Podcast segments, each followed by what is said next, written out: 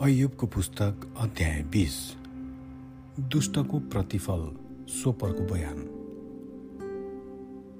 तर सोपर नमातीले जवाफ दिए मेरो मनको पिरले जवाफ दिन मलाई उक्साएको छ किनकि मलाई साह्रै अशान्ति भएको छ।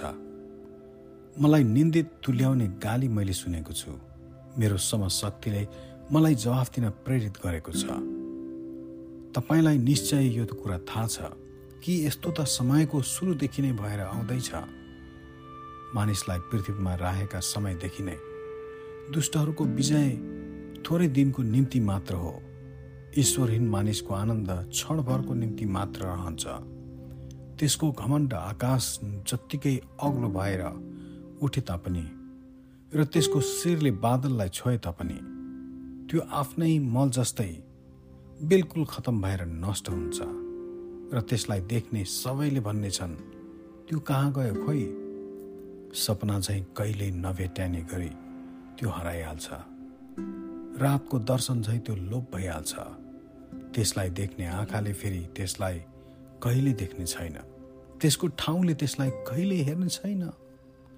त्यसका छोराहरूले कङ्गालीहरूसित सम्बन्ध सच्याउने छन् र त्यसका आफ्नै हातले आफ्ना धन सम्पत्तिहरू फर्काउनेछ यो अवस्था र बल त्यसका हड्डी हड्डीमा भए तापनि ती त्यसैसँग धुलोमा पडिरहनेछन्।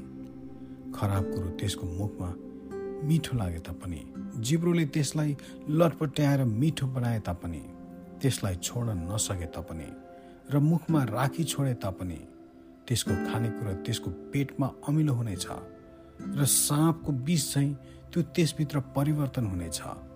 त्यसले निलेको धन सम्पत्ति त्यसले फेरि बमन गरेर निकाल्छ। परमेश्वरले त्यसलाई त्यो उकेल लाउनुहुन्छ।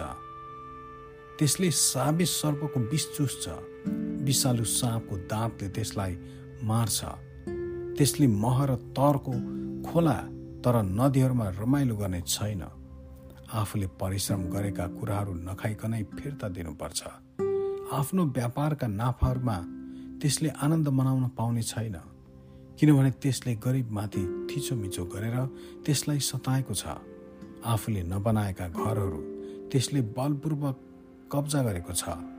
किनभने त्यसको भोग शान्त हुने छैन। त्यसले आफ्नो सम्पत्तिले आफूलाई बचाउन सक्दैन। खानालाई त्यसको निम्ति केही पनि रहेन। त्यसको सुदिन धेरै दिनसम्म रहँदैन। त्यसको प्रशस्ततामा पनि त्यसको दुःखले त्यसलाई उक्सिन्नेछ।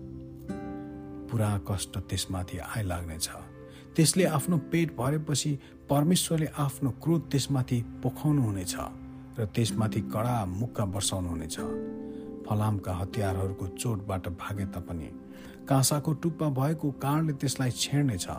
त्यसले आफ्नो ढाडबाट त्यसलाई निकाल्नेछ। त्यसको चम्कने टुप्पो त्यसको कलेजोबाट निस्कनेछ।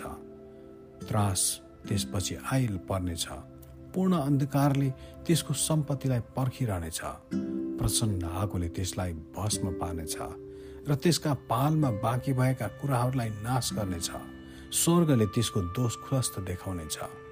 पृथ्वी त्यसको विरुद्ध खडा हुनेछ। त्यसको घरलाई भलले परमेश्वरको क्रोधको दिनमा उर्लदो बाढले बगाएर लैजानेछ। दुष्ट मानिसको निम्ति परमेश्वरको इनाम र परमेश्वरले ठहराउनु भएको फल यस्तै हुन्छ। Amen.